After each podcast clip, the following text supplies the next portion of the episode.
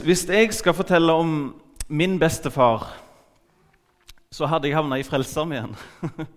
Og det var litt sånn på sidelinja i forhold til i dag.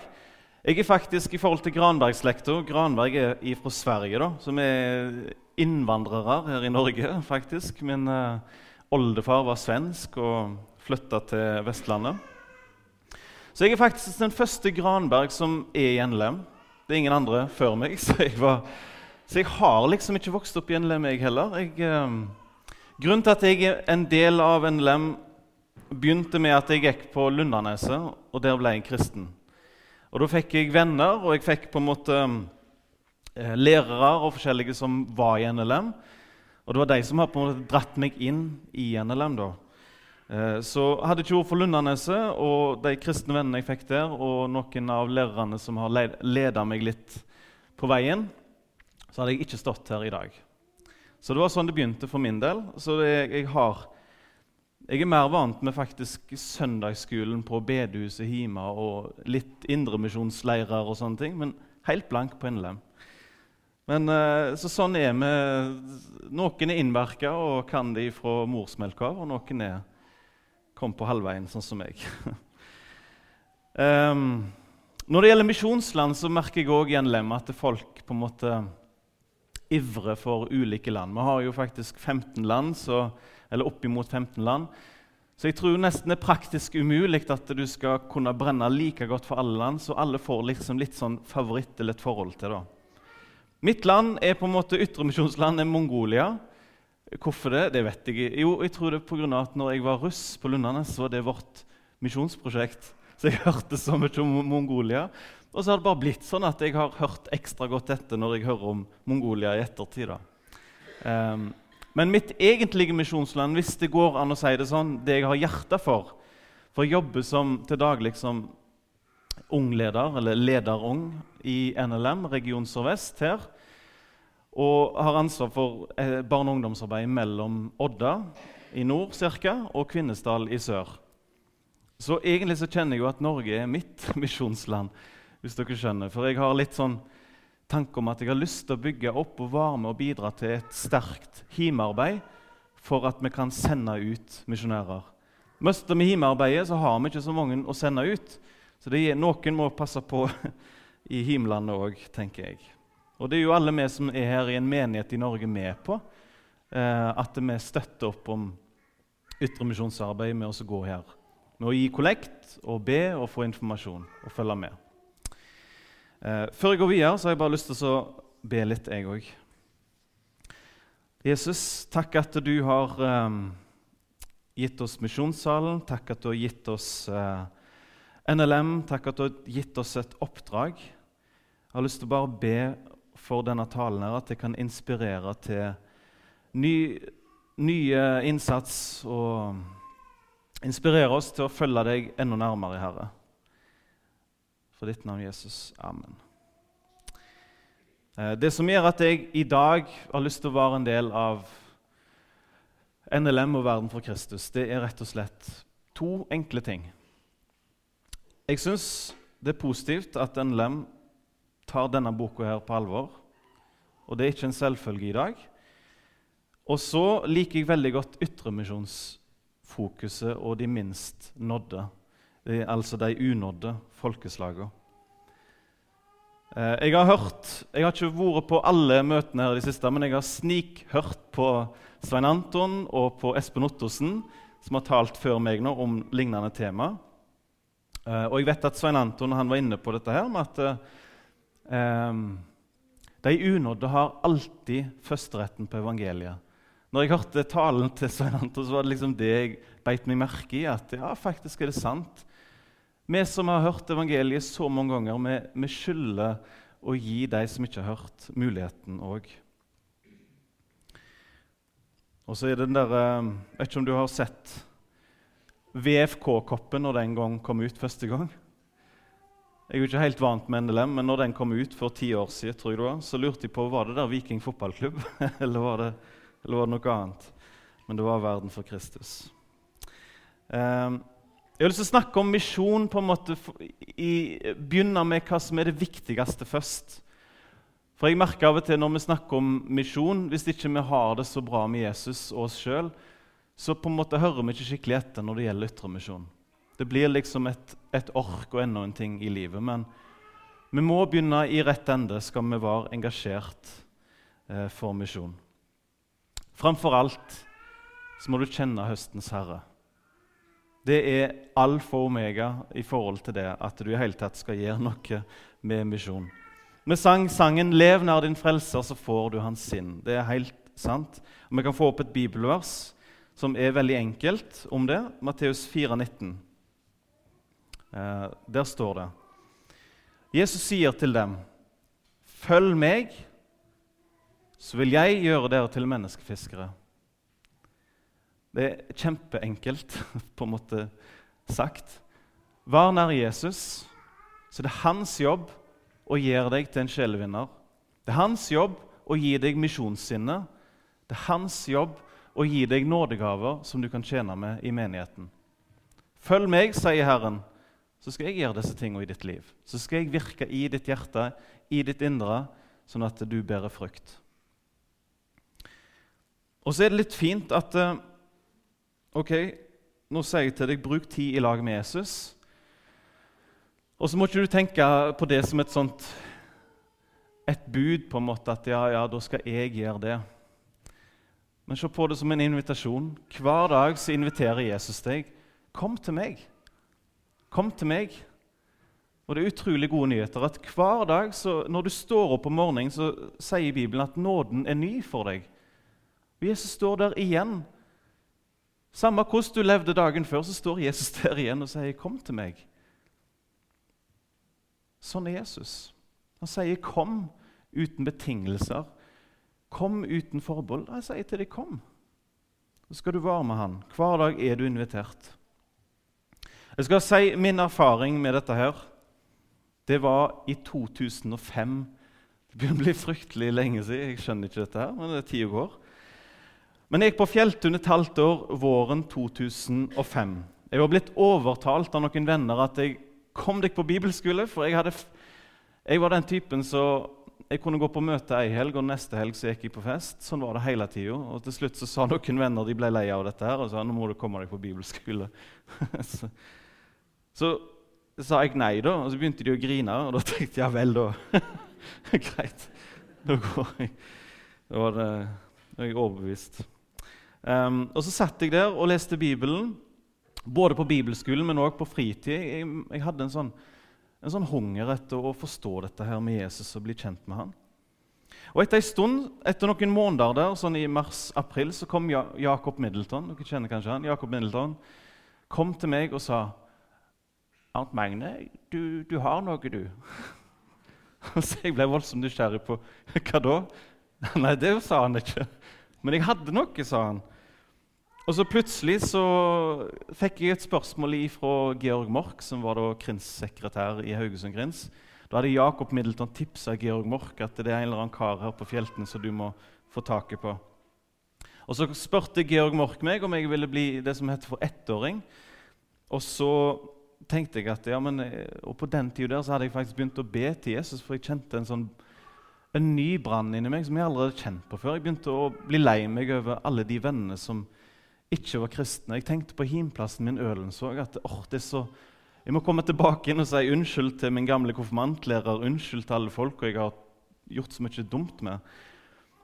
På den tida i mitt hjerte så hadde jeg bedt ei bønne der, og så kommer Jakob og sier jeg har noe, og så kommer Georg Mork og spør vil jeg bli ettåring i Haugesund Krins. Og da måtte jeg jo bare si ja.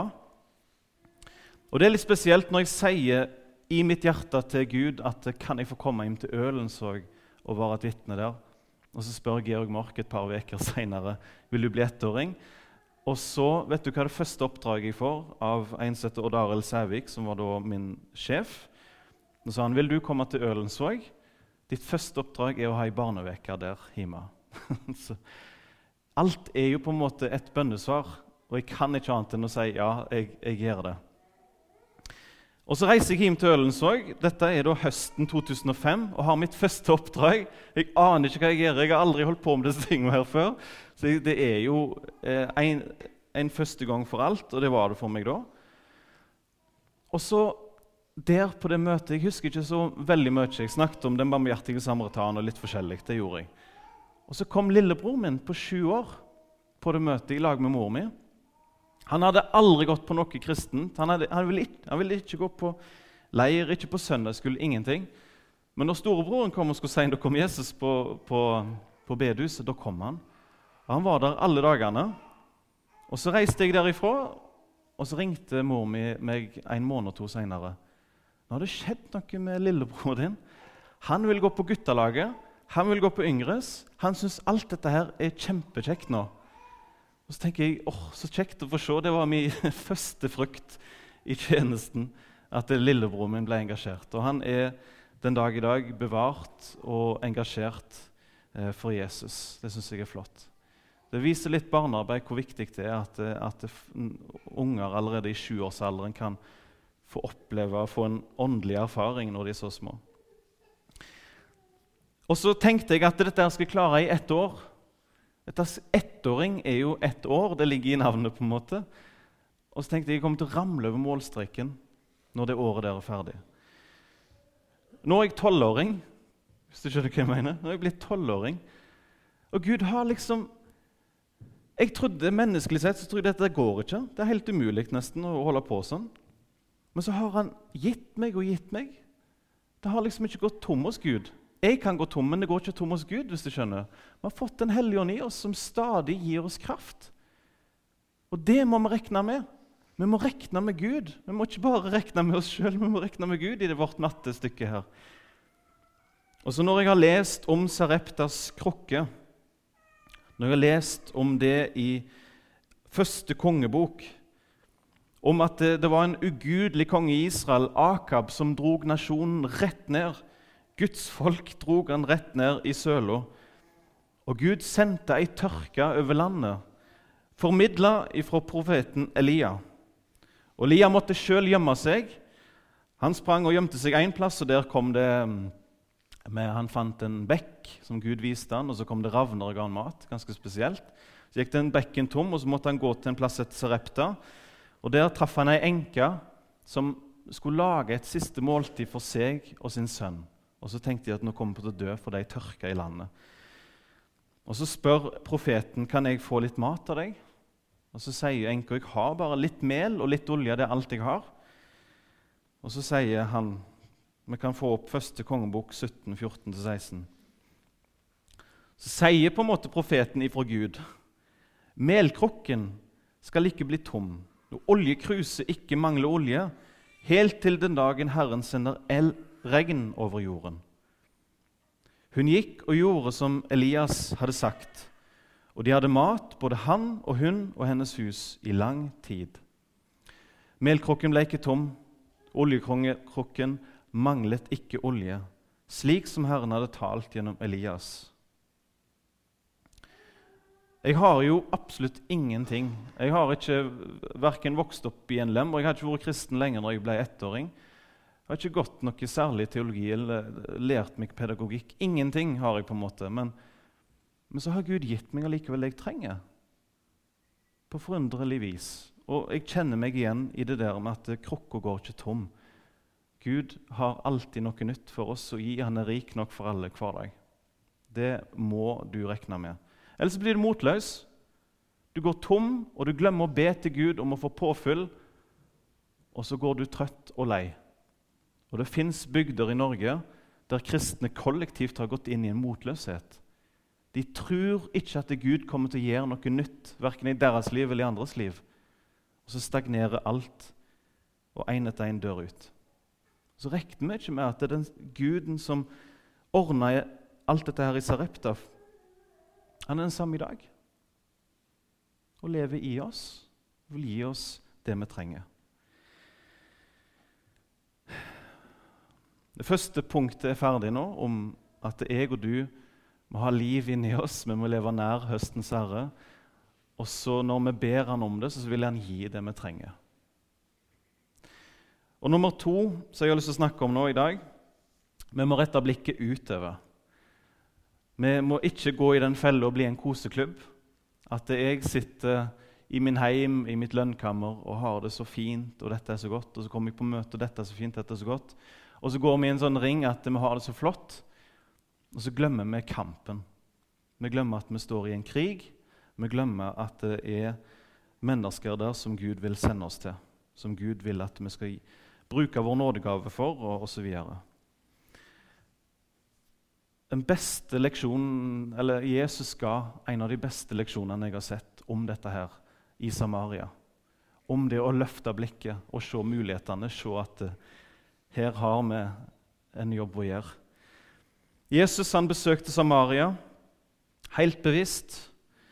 Og Etter en samtale med kvinna med en brønn, som dere kanskje har hørt om, hun som hadde fem menn, og den hun hadde nå, var ikke hennes, osv. Jesus på en måte hadde en samtale med henne om levende vann og det vanlige vann. At det levende vannet skulle bli ei kjelle som veller fram til evig liv. på en måte. Og hun Kvinne ville ha dette vannet, her, og de snakket litt og hadde samtale. Til slutt så skjønte jo kvinna at uh, dette er jo Messias. Det er ikke en vanlig person hun står med. Og Hun la krukka ifra seg, hun sprang inn til byen, og Jesus satte åndelig talt fyr på Samaria. Hun sprang rundt med vitnesbyrdet sitt, at hun hadde møtt en så fortalte hun alt. Og så var det mange som ble nysgjerrige, og mange som kom til Jesus, og mange som begynte å tro. Det ble åndelig fyr på Samaria. Og så kommer disse disiplene som Jesus har sendt i forveien inn til byen for å kjøpe brød. Og Så kommer de tilbake og ser at Jesus snakker med ei kvinne som i seg selv i den kulturen var helt rart. Det skulle ikke gjøre. på en måte. Og Så blir de litt forundra og ser på Jesus, hva som skjer nå, hva det han holder på med, hva det han har gjort mens vi har vært i byen. og kjøpt brød. Og Så sier disiplene til han at her, ta og et dette brødet. Og så sier Jesus at jeg har en mat å ete ifra Gud som hva den sier, Jeg må, må få det ordet for få det, det rett her. Um, han sier Der har vi det. Uh, jeg har en mat som ikke dere kjenner. Og så sier Jesus, min mat er å gjøre Hans vilje, som sendte meg, og fullføre Hans gjerning. Det er litt sånn stilig, for at um, vi kan bli veldig opptatt av oss sjøl. Og så tar ikke engang Jesus imot den brødbiten. Han er jo sulten, han er tørst, han er alt. Og så, at, så, så avviser han den brødbiten og sier at 'jeg har noe enda viktigere' enn å ete den brødbiten. er min mat å gjøre Guds vilje. Og det til oss i Norge det tror jeg er kjempeviktig å følge litt med på. Det aller viktigste er å gjøre Guds vilje og sette han først. Og Så kommer Jesus med en leksjon til disiplene sine. For de har oversett at det, muligheten er rett under nesa deres. Og Så sier Jesus dette. her, Vi kan få opp eh, Johannes 4, vers 35. Sier ikke dere at det ennå er fire måneder, og så kommer høsten? Og Da snakker han muligens om en bokstavelig innhøstning. at eh, Om faktisk fire måneder da begynner vi å høste inn det som skal høstes inn av frukt og, og grønt. Og Så sier Jesus på en måte i denne tida, og så bruker han det som et bilde på den åndelige innhøstningen. Se, jeg sier dere, løft deres øyne og se markene. De er alt hvite til høst. Og Da står han sikkert og peker utover Samaria, der det begynner å skje noe. Det er en åndelig brann som er tent i gang her. Se at høsten er moden. Det er mulighetene store. Folk er mottagelige for Guds ord. Vet du at Jesus sitt problem har aldri vært at det er høsten folket er så hardt. De er så motstandere, de er så fæle. De, vi kan bare gi opp. Vet du hva? Når, når Jesus han har liksom aldri, han har sagt at det blir forfølgelse. Han har sagt at det, det kommer til å komme harde tider. Men det største problemet til Jesus er ikke at verden er tøff. Vet du hva det er? Det er at det er så få høstarbeidere. Det er problemet til Jesus. Vi kan få Lukas 10,2 opp. Han sa til dem, 'Høsten er stor, men arbeiderne få.' Be derfor høstens herre at han vil drive ut arbeidere, drive arbeidere ut til sin høst. Jeg ser for meg at Gud i himmelen har ei liste med, med folk om oppgaver. Og så han tenker hvem kan jeg sende til dette? Hvem kan jeg sende til dette? Og så er lista mye større enn det fins folk. Og så er det i denne sammenhengen Jesus sier at høsten er så stor, Guds liste. Og mulighetene er så store, og så er det så få som han har å sende. Det er så få som sier sånn som Jesaja. Her er jeg, send meg. I bønn til Gud. Det handler om tid, veldig mye av dette her. At vi er ber og villige til å rydde av timeplanen. Hva vil du, Gud? Det var en gang Osvald Hindenes han fortalte når han var ute i et land i Afrika jeg husker ikke hva han er, det var sikkert Etiopia, at det var en liten gutt som var kristen, som hadde, hadde hålete sandaler og fillete sandaler. Så han gikk der og pusla med dette her. Og Så kom noen av guttene, naboguttene som ikke var kristne, så sa til han, du, du er sånn sånn store Gud.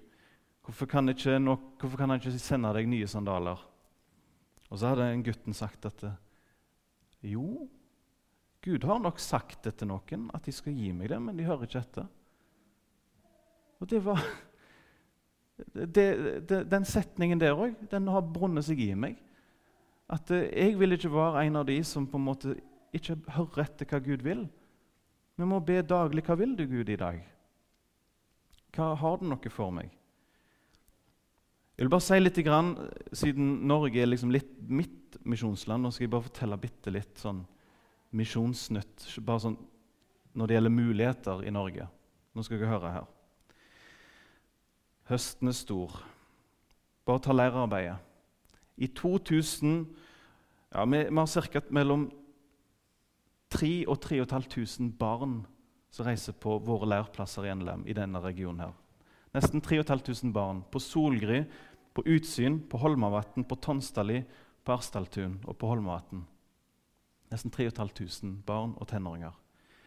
I 2015 så var det fire tenåringer som ga til kjenne at de ville ta imot Jesus. To på Solgry og to på sommertreff på Lundaneset. I 2016 så var det 27 som sa 'Jeg vil ta imot Jesus'. I 2017 så var det 20 som sa 'Jeg har lyst til å ta imot Jesus'. Og nå utvider vi NLM Ung med nye tenåringslærere, for vi ser at tenåringer er mer åpne for evangeliet nå enn for bare ti år siden. Så vi har en hel jobb med å prøve oss å gripe denne muligheten. der, og Vi ser at tenåringer er så åpne for Jesus. Og det er fantastisk. Og vi trenger folk. Det går rundt, men det er sånn Klarer vi å utvide, klarer vi å ta imot disse her som kommer? Jeg skal bare ta Det er fort gjort når vi nevner tall, at det ikke går helt inn på oss. Men dere skal få én historie, bare. Én historie. Det var ei jente som reiste på en 5.-7. klasseleir for et år siden, på Tonstadli. Hun kom fra Ryfylke. Hun kom fra en ikke-kristen heim. Hun var ikke kristen sjøl. Hun hadde ikke et forhold til kristendommen. Men ei venninne hadde dratt henne med seg på leir. Og Hun visste dette av en kristen leir og hadde fått beskjed i leirprogrammet ta med en bibel. Hun hadde gått på egen hånd i huset og leita etter en bibel.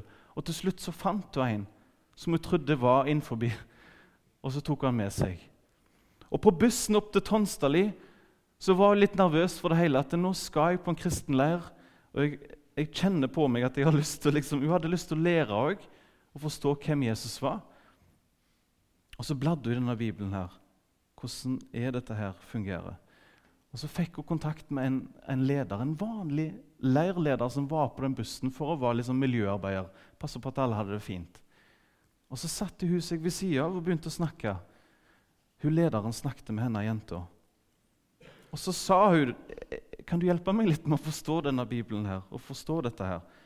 Og Så viste hun og så tok hun lederen og var en slags fadder for hun jenta. Hun var kanskje bare 11-12 år gammel. Og Under hele leiren så satt hun ved sida av henne og viste hun, og Hun bladde opp i Bibelen og hørte etter på andaktene. Til slutt en kveld så sa hun nå skjønner jeg at jeg trenger Jesus. Og Så satt den lederen og hun jenta på 11-12 år og ba i lag.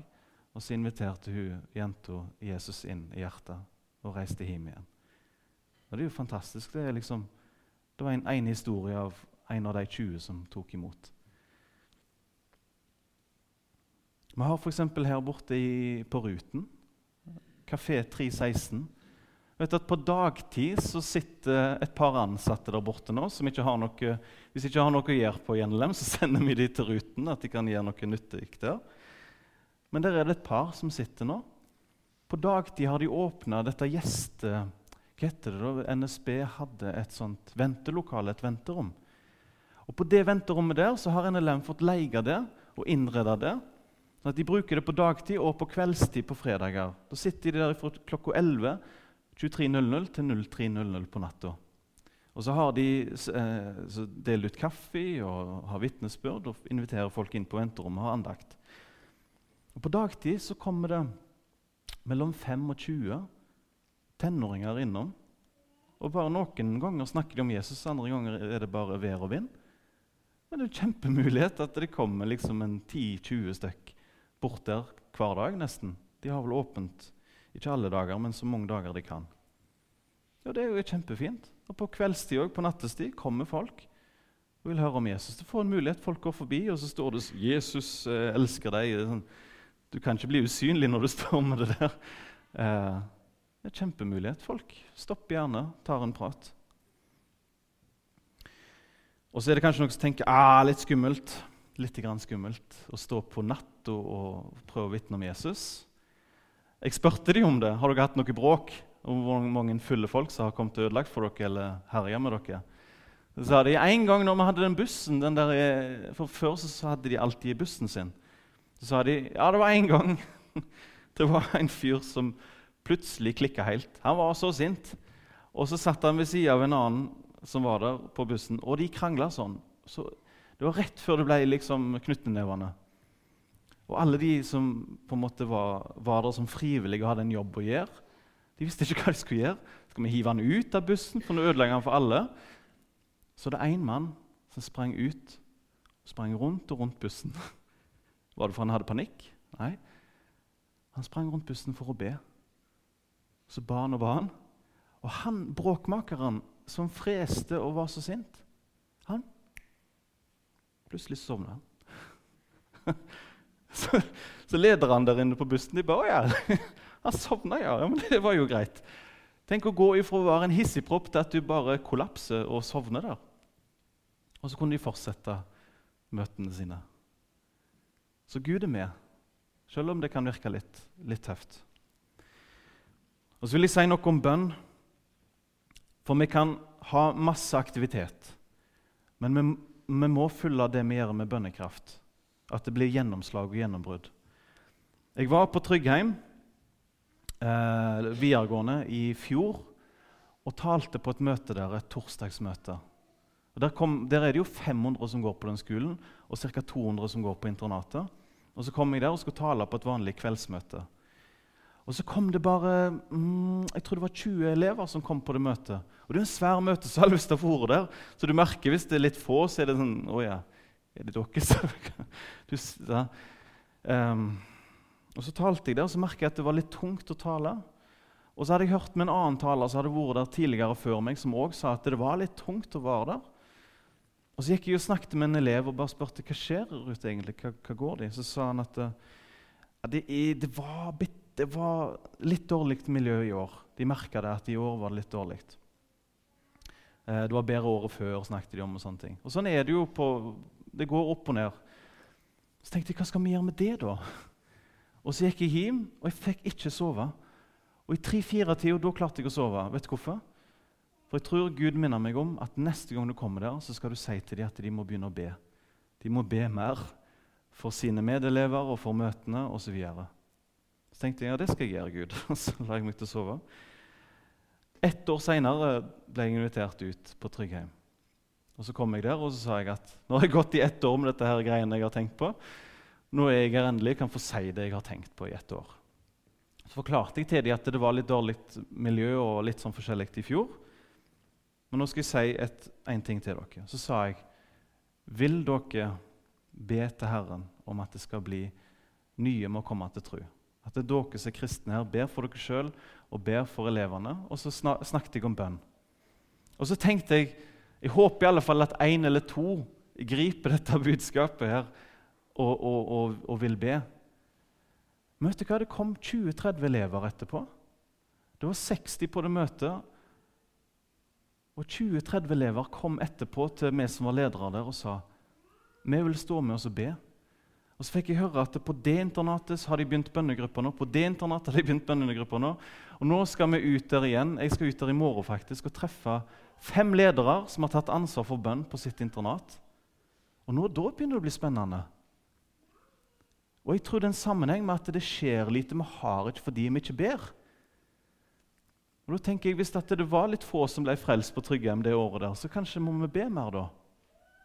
Det er spennende. Jeg gleder meg til å komme ut i morgen. Og Da skal vi faktisk ha en morgensamling der vi snakker om bønn og inviterer enda flere. Så kan dere være med oss og be for Tryggheim at det må skje en vekkelse der, at elever må bli kristne. En enorm mulighet. Det er så fantastisk med skolene vi driver. Det er så husk på det i, i dag, i alle fall, i bønn. Vi har et oppdrag der i morgen. Det siste jeg vil si nå, før vi pakker sakene her, eller jeg pakker mine saker, det er at vi òg må være langsynte. Når jeg snakket om hjerteforholdet, så har jeg snakket om mulighetene rundt oss. Og så har jeg bare lyst til å si at vi må være langsinte. Vi må aldri glemme de som ikke har hørt. Det er kjempeviktig. Um, Matteus 24, 14 er min store motivasjon. Jesus sier og dette evangeliet om riket skal bli forkynt over hele jorden til et vitnesbyrd for alle folkeslag, og så skal enden komme. Jeg har alltid hatt en motivasjon for å komme til himmelen eller for å oppleve Jesu gjenkomst fordi jeg vil møte Jesus. Så klart er det jo noe som kaller på meg og drar i meg at jeg har lyst til å treffe han igjen. Og Hvis jeg kan vitne for folk sånn at Jesus det står at vi kan framskynde Jesu gjenkomst. vet du det? Så Hvis jeg vitner for én person så han tar imot Jesus, så kan det bety at Jesus kommer litt fortere. det er ikke sikkert det er sånn, sånn, men det står nok at vi kan framskynde Jesu gjenkomst. Og jeg tror det har en sammenheng med at alle folkeslag skal få høre. Så, så har Jesus gitt oss oppdraget. Han har gitt oss det oppdraget. Um, etter at mor mi døde for uh, tre år siden, tre-fire år siden, så var det akkurat som jeg fikk flere på den sida på himmelsida, hvis du skjønner. Så nå kjenner jeg jo på en enda større motivasjon for å, for å på en måte vitne om Jesus. For jeg, det, jeg har noen på den sida jeg har lyst til å møte igjen. på en måte. Skjønner du? Så da må vi faktisk gjøre det som Jesus sier, forkynne til nye folkeslag. Få evangeliet ut. Så kommer Jesu andre komme raskere. Det fins 10 000 16 000 ulike folkegrupper. 4 000-6000 av dem er etter Joshua Project sin definisjon unådde. Det betyr folkens, vi mangler en tredjedel igjen. En tredjedel av jordens folkeslag er ennå ikke nådd. Gud kan bruke denne informasjonen her til å tenne deg i brann. Til å få deg ut av sofaen, til å få deg vekk fra trivielle ting som du egentlig ikke trenger å holde på med, til å bruke mer tid på at det nye må få høre. Det tror jeg på. En gang så sto jeg eh, eh på Frontline, NLM arrangerte Frontline på Karmøy. Så hørte jeg sangen 'People Need the Lord'. Og mens ei jente sang solo, 'People Need the Lord', så ble folkeslag vist, og så ble det vist hvor mange millioner av det folkeslaget som var unådd, av det folkeslaget som var unådd. Når jeg stod og så på dette, her, så ble jeg helt paff. Og tenkte alt det dillet og detaljene som jeg er så bekymra for her på jord, det bare visna vekk. Hva betyr det for noe? Det er millioner her som ikke har fått hørt. Og det er mitt ansvar. Jeg har medansvar. Jeg er en skyldner. Jeg har fått så mye, jeg kan ikke holde det for meg sjøl. Og så sa jeg til Gud der og da Så lenge jeg lever, Gud, sørg for at jeg driver og jobber med dette her. Jeg vil ikke dø og se tilbake at jeg kun har levd for meg sjøl. Det er millioner der som trenger å høre. Jeg er der ikke sjøl, men jeg kan jeg har forbønn, så jeg kan gi dem. Jeg kan minne dere om det her. Og jeg kan gi tienden, og så kan jeg prøve å snakke med mine medkristne og se om jeg oppdager noen som har nådegaver eller kall, og oppmuntre de til å gå. Og Hvis jeg får kall til å bli misjonær, da må jeg være lydig og gå. Og Så gjelder det å tenke at skal jeg gå, eller skal jeg være med og sende? Det er én av to. Det er enten-eller. Jeg kunne sagt mye, men jeg tror jeg begynner å runde av. Nummer én følg Jesus. Nummer to husk på det Jesus gjorde i Samaria. Se mulighetene rundt deg. Høsten er stor, men arbeiderne få. Og Husk det jeg nevnte om barn og tenåringer. Det er en åpenhet der som jeg synes er helt fantastisk. Og nummer tre aldri glem de unådde. Sørg for at du er i en posisjon der du alltid er med på at det nye får høre. Tok du den? Sørg for at du er i en posisjon er i en eller annen funksjon som gjør at den unådde alltid får høre. Så det er ditt ansvar å sørge for at du på et eller annet vis finner den plassen.